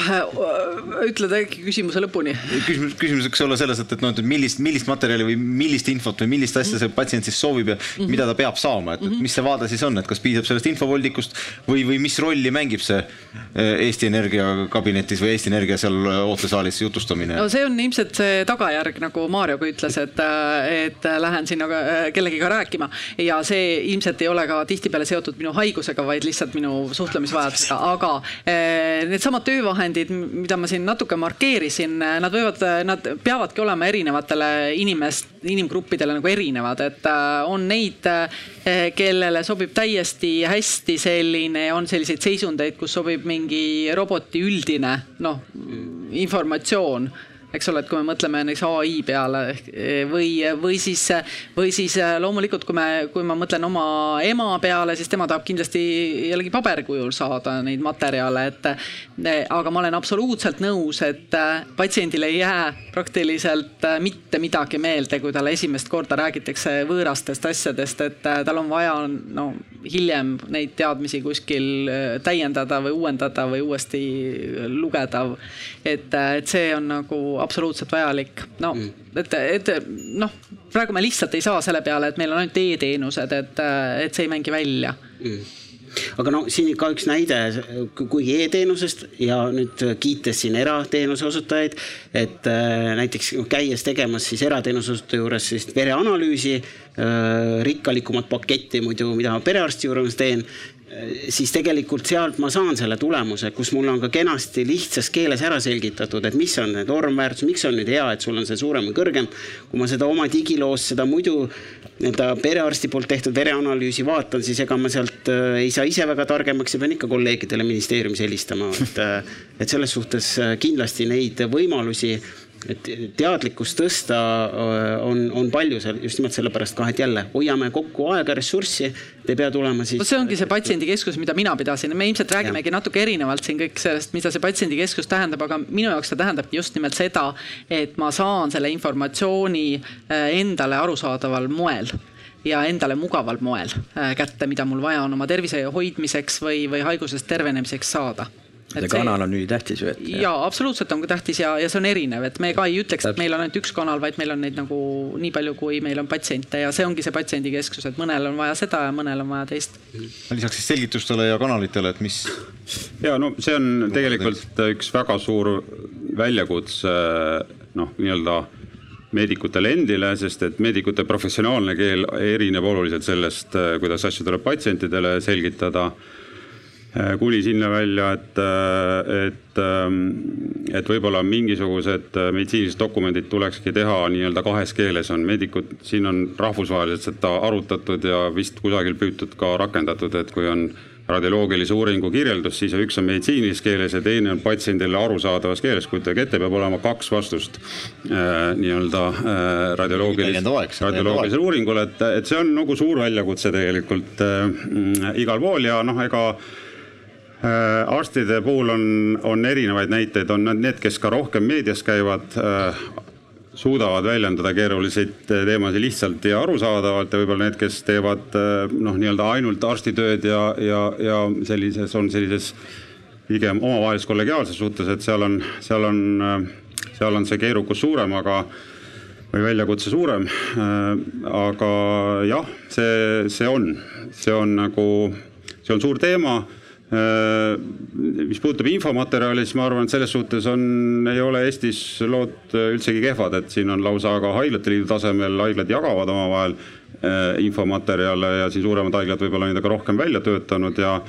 ja neid, ma arvan, peaks olema praegu küll piisavalt, et haigust noh, nagu üldisemalt kirjeldada, aga siis selle konkreetse patsiendi noh, nii-öelda äh, raviplaan ja, ja, ja mis iganes sinna juurde käib, võib-olla on on siis nagu pisut äh, nii-öelda sellisel suulisemal kujul äh, saab kabinetis kätte. ja no nii palju, kui ma siin veel regionaalhaigla tasemelt mäletan, siis ka keerulisemate äh, nagu selliste diagnooside puhul on ka selliseid nõustamiskabinette siin vähivaldkonnas ja võib-olla ka teistes valdkondades ja tegelikult õdesid kasutatakse ka päris palju juba, et sellise pikema selgitustöö pärast arstikabinetti teeb patsiendile õde, et kuidas äh, seda ravi siis ikka nüüd nii-öelda äh, tuleb äh, teostama hakata kodus, et noh, neid asju kasutatakse, aga noh, kindlasti on siin veel nii-öelda arenguruumi. Minu nimi on Diana ja, ja ma alustan võib-olla ühe väikse looga, et, et miks meil tervishoiureformi on vaja ja, ja mis suunas see peaks olema, et mul oli pooleteistaastane poeg ja ta sõi karta on, et vanaisa verevedeldaid see juhtus keset Eestit. sellel puhul loomulikult kutsutakse kiirabi ja, ja reageeritakse niimoodi, et tuleb laps viia haiglasse, tuleb talle teha maoloputus ja teda hoida jälgimisel nüüd esiteks kiirabi ei teadnud, äh, millisesse haiglasse peaks ta viima. teiseks äh, ta viidi sellisesse haiglasse, kus oli küll EMO osakond, aga kus puudus pädevus teha lastele maoloputust ja kus puudus pädevus saada kätte äh, lapse veeni, noh, et panna sinna siis nõel sisse. et et, ähm, et sellest äh, loost ja nendest tuhandetest lugudest, mis on olnud, me ei tohi oma Eesti rahvale valetada, et me suudame tagada igas Eestimaa punktis teatud pädevused. et minu arvates me peaksime nagu lähtuma tõesti oma Eesti inimestest ja, ja olema hästi ausad, et millist kompetentsi ja kus kohas me suudame nagu tagada. et see eh, patsiendi kesksus hakkab pihta ikkagi turvalisusest,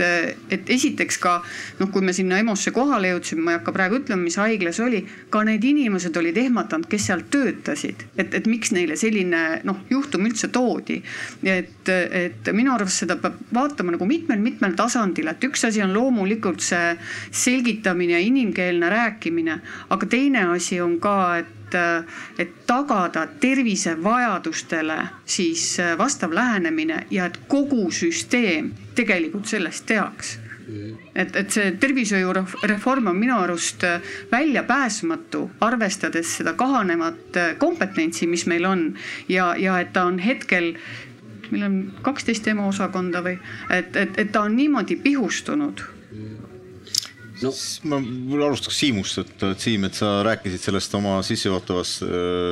sõnavõtus miinimumtasemest, eks ole. kuuldes seda näidet, eks ole, siis ilmselgelt see, see pakutav miinimum või kokkulepitav miinimumtase äh, ei pruugi olla see, mida, mida on vajaka, et, et või, või on vaja. võib-olla sa natukene siin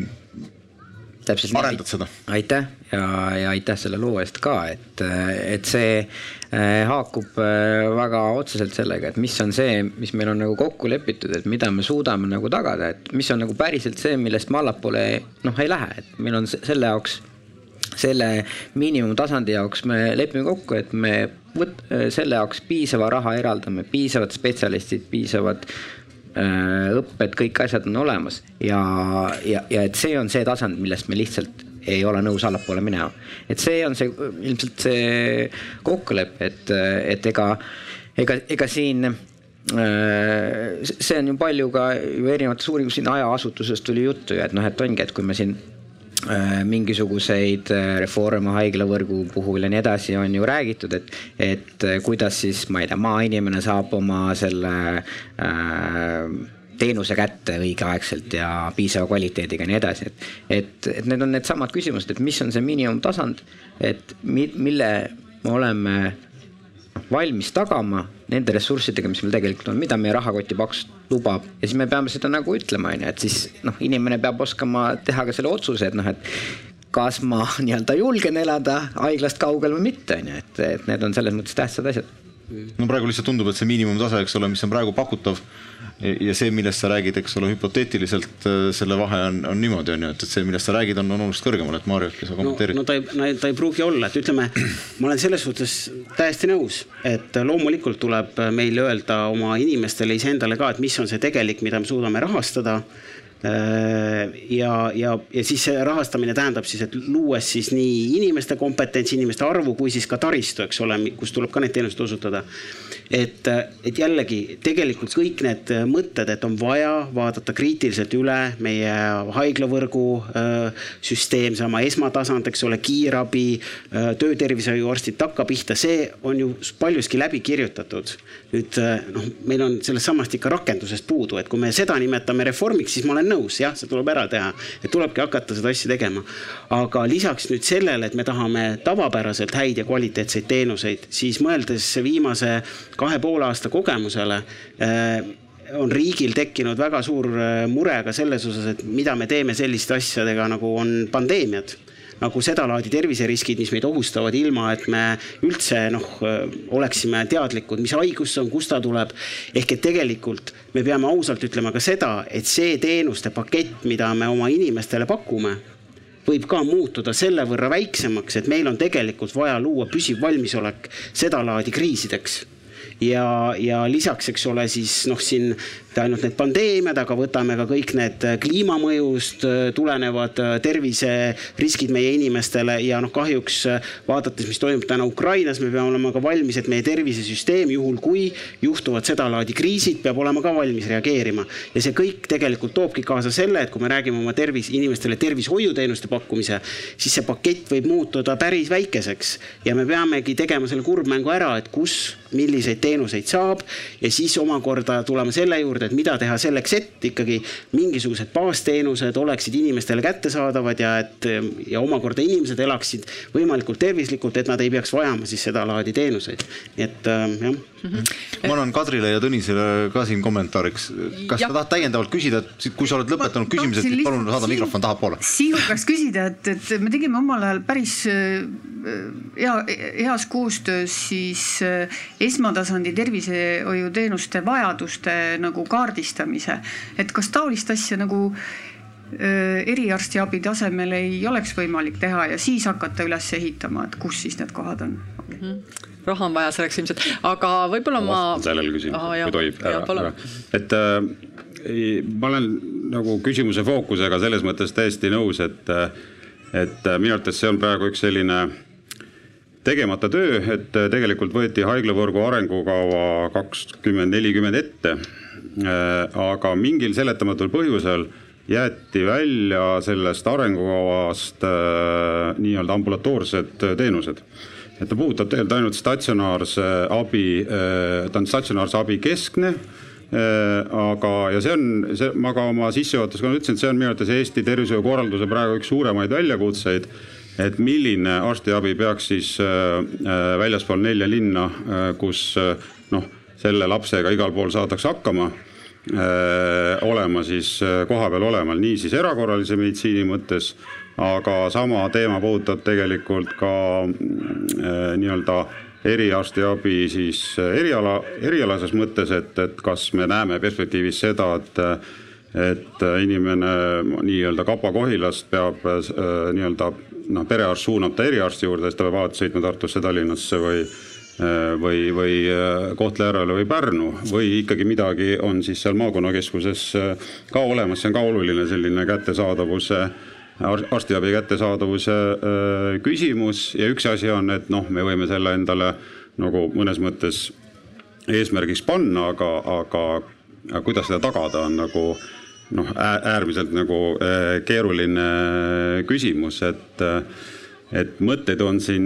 väga palju erinevaid, nagu ma olen aru saanud, et noh, praegu justkui nagu kõige paremini töötav mudel on olnud läbi nende haiglate võrgustumise, kus siis suured piirkondlikud või keskhaiglad on võtnud ühe või teise või kolmanda üldhaigla siis nii-öelda äh, oma hoole alla või, või oma võrku ja seal siis tagatakse ka teatud arstlikku pädevust äh, koha peal. Äh, noh, see nagu tundub lihtne lahendus, aga, aga seal on ka terve rida väljakutseid, siin ma saan aru, et on äh, olemas idee, et mis noh, ei, maksa ka kohe prügikasti visata, et tegelikult väga pikas perspektiivis kakskümmend, nelikümmend võiks maakonnas haiglat pidada üldse perearst et seal nagu muud arstiabi väga äh, äh, ei ole või et perearstid siis püüavad seda seal organiseerida. ja noh ma ütleks jällegi eratervishoiu poole pealt, et äh, miks mitte kaaluda ka varianti, et äh, mõnes maakonnas korraldab äh, no nii-öelda arstiabi mõni siis eratervishoiuasutus. ma täpsustan vahele, et see, see dokument, millele ka Tõnis viitab, ei ole mitte haiglavõrgu arengukava, arengukava on alles koostamisel. et see on analüüs, mille tegid eksperdid ja need soovitused on nii-öelda materjali koostanud ekspertide soovitused, et sotsiaalministeerium ei ole veel öelnud. arengukava ei ole veel valmis. mulle meeldis meeldis väga see näide selles osas ja nagu muusika kõlas mu kõrvadele, see avalikustamise ja ausalt rääkimise asi, sellepärast et kui me räägime ausalt, siis meil on võimalik ka neid äh, vigu nagu analüüsida ühelt poolt, kui me räägime süsteemist, eks, et. et äh, noh, kasvõi see, et, et äh, võib-olla meil õnnestub siis selle autoga lihtsalt sõita veel viiskümmend kilomeetrit ja ongi nagu mure lahendatud, aga kui me sellest ei räägi, keegi sellest ei tea, siis me ei saa seda probleemi ka lahendada. ja inimeste jaoks on see nagu täpselt seesama, et et noh, nagu kutsu ja siis oota või, või, või mine sinna või noh, et, et oleksid nagu teatud juhised olemas, et see, see ongi see patsiendikesksus jälle. Siim, kuna sinu poole pöördusid nimeliselt, et ma ei tea, kas sa tahad veel kommenteerida? ma arvan, et ma siin rohkem muud ei lisa, kui et äh, ainult nõus olla sellega, et äh, loomulikult ma arvan, et see on ju täiesti tehtav ja äh, ütleme, see eriarstiabi analüüsi mõttes. meil on kaks küsimust vist, aga kui sobib sulle sobib, et ta küsib ära, et tal on mikrofon käes? teeme nii, võtame kaks küsimust korraga, et küsi ära ja anna siis mikrofon sinna seisvale noormehele, et siis. selge, ma olen siis Karl Eesti ATH Liidust ja seoses tervishoiureformiga mul on selline üldisem äh, küsimus, et, et äh, millal me jõuame olukorda, kus äh, riigiasutused ei vaata puhtalt enda kulurida, kui palju nad saavad säästa, vaid seda, millise mõjuga see oleks teistele riigiasutustele ja ühiskonnale laiemalt, et siin hea näide on see, et et hetkeseisuga siis ATH ravimeid täiskasvanutele ei hüvitata, sellele on juhitud eelnevalt äh, tähelepanu äh, Sotsiaalministeeriumile, Haigekassale ja nii edasi ja lõpuks siis pidi äh, juhtuma see, et kuuendal juulil tegi õiguskantsler avalduse, et ravimiseadus on äh, väga selgelt põhiseadusega vastuolus. Et, et siis ATH ravimeid ei kompenseerita. ja väga huvitav on see, et kui nüüd tehtaks otsus, et ATH ravimeid kompenseerida kõigile inimestele, kes neid vajavad siis see üheaastane kulu, äh, mis suureneks siis haigekassal oleks äh, kolmteist kuni äh, seitseteist miljonit eurot ühes aastas, aga lääneriikides tehtud teaduslikud uuringud näitavad, et nende ravimite kompenseerimine on võrreldav siis diabeetikutele insuliini kompenseeri- äh,, insuliini kompenseerimisega, ehk siis kui haigekassa võtab see üks aasta, see kolmteist kuni seitseteist miljonit eurot siis rahaline võit Eesti riigiasutustele suurenenud äh, tuludega, vähenenud kuludega oleks üheksakümmend kuni sada kolmkümmend miljonit eurot aastas, kümne aasta perspektiivis kuskil üks koma kolm miljardit äh, eurot äh, lisatulu riigile ka vähenenud kuludega ja, ja, ja siin ongi nüüd olukord, et siis kodanikuühendused ja mittetulundusühingud üritavad veenda riigiasutusi, et äh, palun tehke see muudatus ära, siin on teadus on väga tugev taga, et äh, see tooks riigile sisse äh, ühe aasta perspektiivis sadu miljoneid, aga seda ei taheta teha. et, et mis on teie mõtted selles vallas? aitäh, ma arvan, võtaks teise küsimuse ka, et, et siis ma ei tea, see oli nii spetsiifiline küsimus, et äkki keegi tahab sellele vastata, et ma lähen süsteemi tasandil ah,. okei okay,, no siis vast... tuleme, tuleme siis siia tagasi. ei, ma vastan Vastame. üldiselt, ma, ma ei usugi, et siit praegu tuleb väga konkreetselt vastata, aga no, minu arusaamine sellist, sellest teemast on Haigekassas on äh, noh, see ei ole ainuke näide, neid näiteid on päris palju, kus on äh, nii-öelda ravitehnoloogiad, ravimid või mõned muud tehnoloogiad nii-öelda ettepanekuna Haigekassasse jõudnud ja rahastamist ei leia ja tegelikult seal sellist äh, nii-öelda tehnoloogia hindamist, et, et mis on kulu ja mis on nii-öelda kasu ühiskonnale tehakse. et ma usun, et see küsimus kas see ei ole sinna jõudnud või on, on seal haigekassas ka läbi kaalutud. et üldiselt, äh, üldiselt see printsiibis äh, Eestis ikkagi toimib ja noh, see on nii-öelda haigekassa roll. See on juhul siis, kui need ravimid on piisavalt kaua turul olnud, et nende kohta on jõutud teha mingisuguseid. peab olema evidents, siis tõenduspõhisus. vastasel juhul ja. kahjuks öeldakse tihtipeale ikkagi patsientidele, et, et vara veel, et oodake natuke mm. -hmm ega mul ei ole siin suurt midagi lisada, et veel kord, et äh, ka neid analüüse tehakse. Äh, ja noh, see on nii nagu ikka, et sellist nii-öelda ennetust on, on mõnikord väga raske äh, panna rahasse et kui me teeme sellise liigutuse, siis me suudame ära hoida palju suurema kahju, et see on selline lõputu diskussioon. aga minu teada ka inimesed just ka Haigekassas sellega tegelevad, küsida, et kas nüüd mõni riigiasutus selle võrra, nojah, et kaude siis ju tekiks riigieelarvesse raha rohkem, et siis saaksid riigiasutused paremini elada, ma arvan, kui me nüüd siin leppisime kokku, et me räägime ausalt asjadest, siis äh, ma arvan, et asutustes inimesed ja ka mina otseselt nii kindlasti ei mõtleks, et minuni see raha jõuaks kindlasti päris pika ringiga, et see motivatsioon siis selliseid liigutusi teha äh, ausalt öeldes äh, noh, vajab tõstmist nii, lähme siis süsteemi tasemele ja äh, tere, nimi on Taavi ja taustast nii palju, et ma põhitööna aitan erinevatel riikidel tervisereforme teha, et äh, aga Eesti asjad on, on südamelähedased ja, ja see patsiendikeskus kuidagi kõnetas ja, ja need seesama, et hästi erinevaid vaateid sellest patsiendikeskusest, mida see tähendab kellegi jaoks selles süsteemis. üks on patsiendi enda vaade, teine on see, kuidas need inimesed tema ümber töötavad, arstid. Ja kolmas on veel see, kuidas teenused korraldatud on ja nende rahastus korraldatud on, üks asi, mida ma siis diskussioonis läbi aastate Eestis olen näinud ja tegelikult ka mujal, on see, et inimesed kipuvad mõtlema äh, struktuursetes üksustes olemasolevates struktuursetes üksustes nagu näiteks perearsti vastuvõtt, perearsti vastuvõtt, sotsiaaltöötaja vastuvõtt ja nii edasi.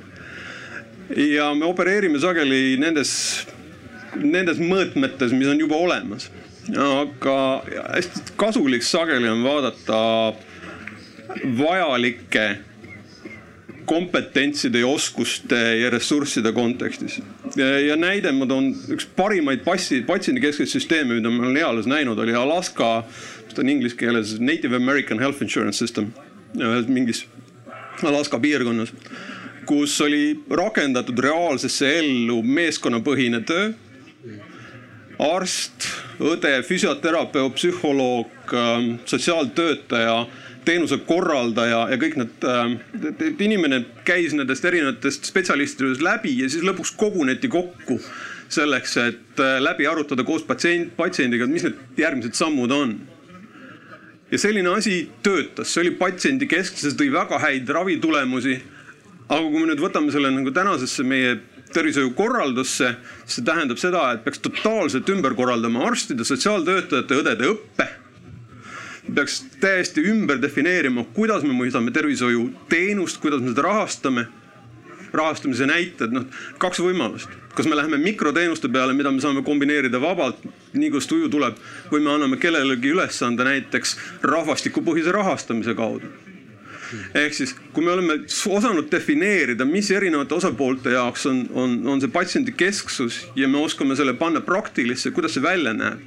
siis see on see koht, kus me saame disainida süsteemi niimoodi, et, et patsient saab seda teenust. ja neid võimalusi on.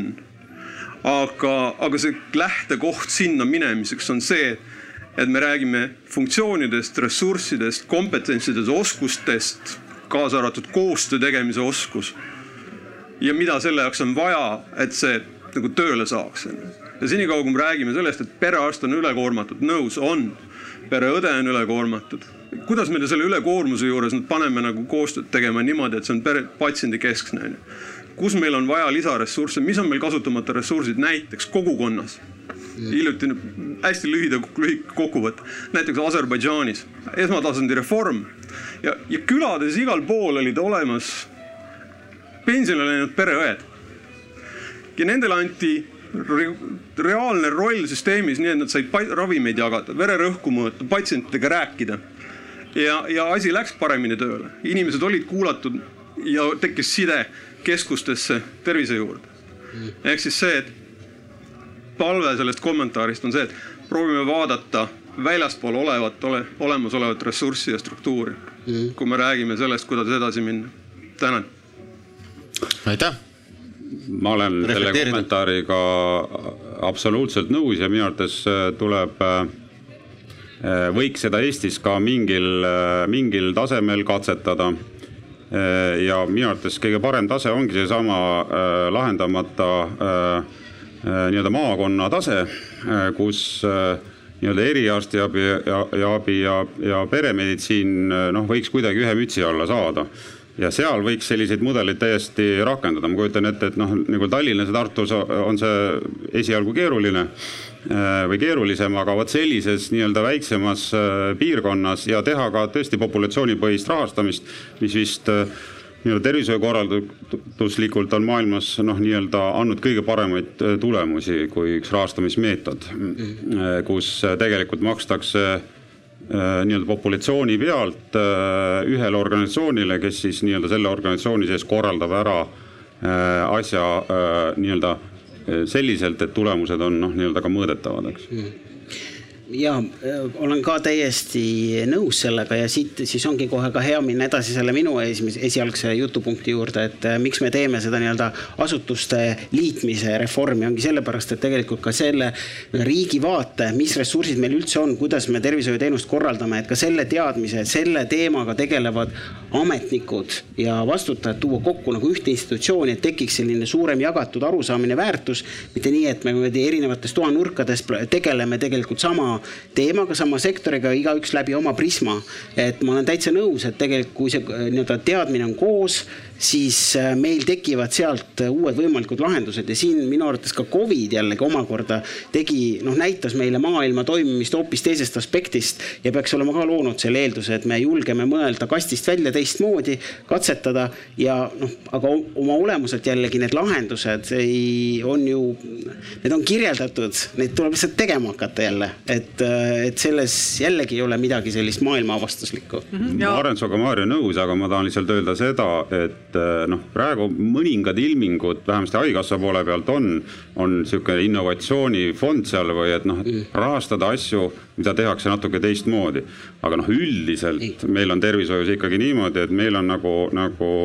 Taavi siin ütles, meil on nagu maatriks peal, meil on süsteem paigas, eks ju, et kuidas töötavad perearstid, kuidas töötavad haiglad, kuidas töötab kiirabi äh, ja koduõed ja me ei saa üheski Eesti nurgas sellest äh, süsteemist nii-öelda välja igal pool me üritame täpselt sama loogikaga äh, asju lahendada, aga seal noh, ma ei tea, a la Saaremaal üks sihuke isoleeritud saar võiks proovida teha teistsugust tervishoiu. aga meil on olnud, meil on ka olnud katseprojekte, mis näitavad seda, et on võimalik katsetada teistmoodi, jah, ta ei ole nii-öelda ravikindlustussüsteemi sees, aga ja. meil on neid võimalusi olnud ja, ja. ja no minu meelest meil ka on, et esiteks äh, me oleme saanud välja, aga meil on vaja juhtoinast, sellepärast et äh, ega niisama need asjad ise ei hakka liikuma, pigem ju äh, üldiselt ju kardetakse tervishoiujuhtide poolt midagi muuta, sellepärast et siis nad saavad lihtsalt kuskilt õiendada kohe. aga aga tõepoolest me võiks isegi mõelda võib-olla natuke veel väiksemat, et külade tasandil, mis toimuvad, toimivad, et äh, kui mõelda seda Taavi näidet, siis, siis tegelikult noh, meil ei ole vaja ainult neid ressursse, mis meil täna olemas on, vaid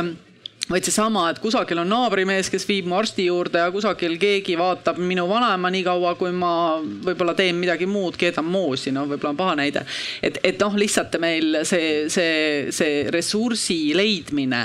oleks ka nagu, nagu, nagu uue, uuemal tasandil. vaataksime laiemalt ringi, et ikkagi needsamad Eesti Energia kontorid on võib-olla head kohad, kus mm -hmm. käia rääkimas Siim, teeme siis Eesti Energia kontorid täis kogu Eesti. aitäh. ja, ei, ma lihtsalt tahtsin seda öelda, et ja, et noh, kui me nii-öelda oleme praeguses olukorras, siis on ju selge, et, et raha, kui me jätkame samamoodi, et raha jääb puudu ja, ja tekivad need probleemid. aga ma siiski kuidagi tooks selle mõtte ikkagi siia juurde, et, et, et nagu väga suurelt äh, mingisuguseid muudatusi teha on võib-olla riskantne, et, et ma saan aru, et on tehtud mingisuguseid piloote ja ja on näiteid teistest riikidest, see Alaska näide väga huvitav just äh, selles mõttes ka et Alaska on ilmselt ka ju suhteliselt hajaasustatud äh, piirkond, et, et seda näidet kindlasti tasub kaaluda ja, ja arvestada. aga lihtsalt, et, et sellise nagu süsteemi puhul nagu tervishoiusüsteem, kus on palju osapooli, kus on nagu teatud tasand, millega me oleme harjunud, on ju. et, et seal neid muutusi teha äh, noh, tuleb, aga seda tuleb teha ilmselt äh, niimoodi läbi, väga läbimõeldult, et, äh, et, et, et see toimiks. üks viimane kiire küsimus, viimased vastused ja siis võib-olla lõpurepliigid, et äh, siis meil, meil aeg surub peale ja muusika juba tümpsus, nii et, et äh, ma ei tahaks olla muusika ja siis teie vahel pane lähemale, ei kuule, ei kuule. Veel lähemale jah. äkki on välja lülitatud? Ei tööta. Yeah.. see ei tööta, tuleb, tuleb, tuleb midagi sealt tuleb, nii et saab küsimuse kohe tuleb, üks hetk. sa pead minema lavale, suurele lavale pead sa Diana minema nüüd patarei sai tühjaks. patarei sai tühjaks õigel hetkel aga võib-olla on kuulda või see ei lähe. see ei lähe linti, selles on küsimus, et see on.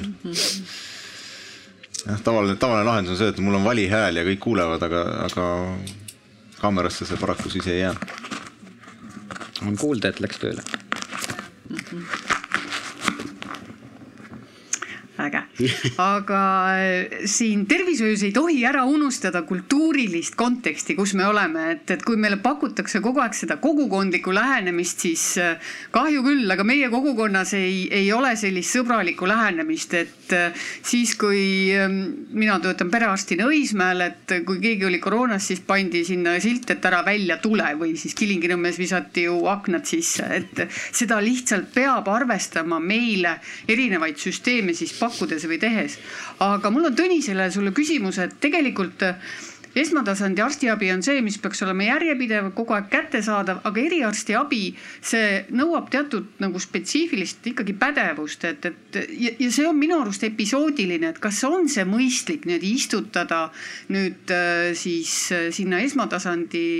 mudelisse nagu pidevalt, et noh, tegelikult äh, saab ju ära hinnata selle tervisevajaduse ja ikkagi siis suunata see inimene selle pädevuse või kompetentsi järgi ja ega ma, ma ei mõtlegi seda, et, et, et see loogika nagu ära kaoks, et ikkagi noh, nii-öelda see, et meil on olemas perearst ja siis on spetsialist, eriarst mingi, mingi kitsamal nii-öelda teemal, et see loogika jääb. Ma pigem mõtlesin organisatoorsest küljest, et, et noh, lihtsalt ega väljakutse on lõpuks nagu see, et kui meil on, ma ei tea, Jõgeval haigla maakonna mõttes ja, ja Haapsalus ja kus iganes, et et kuidas siis äh, on see arstlik kompetents seal nagu maakonnas ikkagi esindatud, äh, sest et noh, seda ilmselt juba siin enam-vähem kõik näevad, et ega selline arstlik statsionaarne teenus kaob ära, et jääb selline õenduslik statsionaar sinna koha peale, aga, aga nii-öelda haiglas peab arst olema ja noh, kusagil on võib-olla eriarstidega paremini, kusagil on perearstidega parem, aga meil on täna noh, kõiksugu näiteid Eestis olemas, kus äh, on linnu, kus ei, ma ei tea, on kõvasti perearste puudu ja on, on linnu, kus on siis nagu perearstid olemas ja eriarste puudu. et ma nagu selles mõttes see loogika noh, ilmselt ei kao äh, ära, aga noh, ütleme niimoodi, et et, et noh, riigil peab olema eesmärk, et noh, mingid kompetentsid on siis maakonna tasemel äh, tagatud, aga jällegi välistatud ei ole, et seal on aeg-ajalt nagu defitsiit ja siis tuleb noh, nii-öelda selle olemasoleva arstkonnaga see seal kuidagi ikkagi ära katta. ja noh, lõpuks on noh, ega siis äh, ütleme niimoodi, et äh, nii-öelda meie vanused ja vanemad inimesed on õnnelikud, et kui, kui arsti juurde saab, ega siis noh, võib ka Tallinnasse sõita, kui muud varianti ei ole ikkagi oluline öelda, kust sa midagi saad nagu, mis, mis on kvaliteetne ja, ja, ja vastab sellele tervisevajadusele. mitte nagu lähtuda, et, et äh, geograafilises punktis B peab olema, kuigi seda ei suudeta tagada aitäh selle viimase küsimuse kommentaari eest. Äh, nagu nüüd jutusaated lõpevad alati, et meil on kolm minutit aega, et igaüks saab veel lühikese repliigi lõpetuseks ja siis tõmbame, tõmbame tänase päeva kokku. Maarja, ole hea, alusta Äh, kui ainult minut, siis ma kõigepealt tahaksin tänada kõiki tervishoiutöötajaid veel kord, et see panus, mis te olete andnud nii Covidis kui ka üldse Eesti inimeste tervise hoidmisel ja säästmisel, et selle eest kindlasti kõikidele suur tänu mis puudutab nüüd äh, siis äh, inimesi, patsiente, nii noori kui vanu, kes siin on võib-olla natuke muretult sulekottide peal olnud, et siis hakake küll seda kuulmisaparaadi raha koguma, aga, aga elage ikka tervislikult, et see on, see on kõige parem, see, see hoiab nii, nii teie enda kulusid, elukvaliteeti kui tegelikult ka kogukonna ja riigi kulusid ja kvaliteeti kokku, nii et me kõik saame panustada selleks, et oleks Äh, meil äh, rohkem äh, raha nende jaoks, kes seda vajavad. ja mis puudutab reformi, et siis mina ikkagi võtan siit kaasa selle mõtte, et, et inimesi ja patsiente väga ei huvita, mis seal ekraani taga toimub, tahetakse, et riik toimiks. riigil on vastutus oma tööd korraldada, seda teha, võttes kaasa nii neid, kelle jaoks seda tööd tehakse, osapooli erinevaid, vaadates ümber maailma, mis häid praktikaid on tehtud ja lihtsalt hakata asju ära tegema nii et see ongi. nii, Siim, kolmkümmend sekundit paraku jääb. mul ongi suhteliselt lühidalt, et ma lihtsalt tahaksin rõhutada sedasama,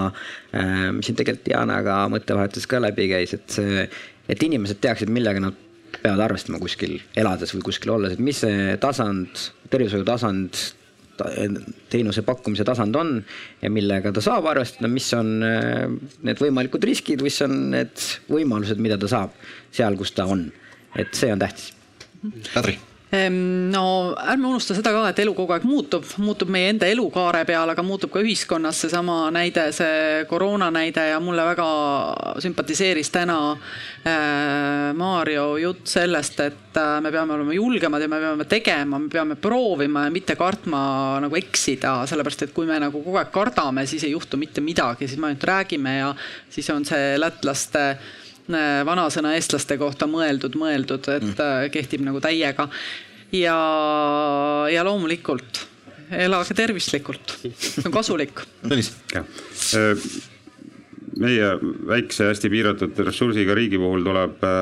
iga tervishoiutöötajat väärtustada ja kaasata ja eratervishoius neid töötajaid ka on natukene, et me tahaksime olla nii-öelda võrdväärne partner ja osa Eesti tervishoiust ja teise mõttega tõesti ütlen ka seda, et ega noh, nii-öelda mm, Eesti on suur ja lai ja, ja minu arvates noh, nii-öelda võib-olla ühe vitsaga kõike ei tasu lüüa ja, ja meil tasub mõelda, et kuskil mingites äh, piirkondades äh, võib-olla töötavad mingisugused natuke teistsugused lahendused paremini, kui suur tervishoid on korraldatud. Mm aitäh, äh, loodetavasti see poolteist tundi ei olnud siis selline äh, lõputu ringmäng, kes aias, kes aias, et äh, eesmärki ei ole peale selle, et on tore. et siin kõik tõid ka, võtsid midagi endaga kaasa ja, ja ma loodan, et korraldajad samamoodi, et kui järgmine aasta sellist sarnast arutelu tehakse, siis juba järgmiselt tasemelt. veel kord suur aitäh panelistidele, sama suur aitäh kõikidele kuulajatele. ilusat õhtut, olge terved ja peatsete kohtumisteni pääsen ega keegi kõike teha.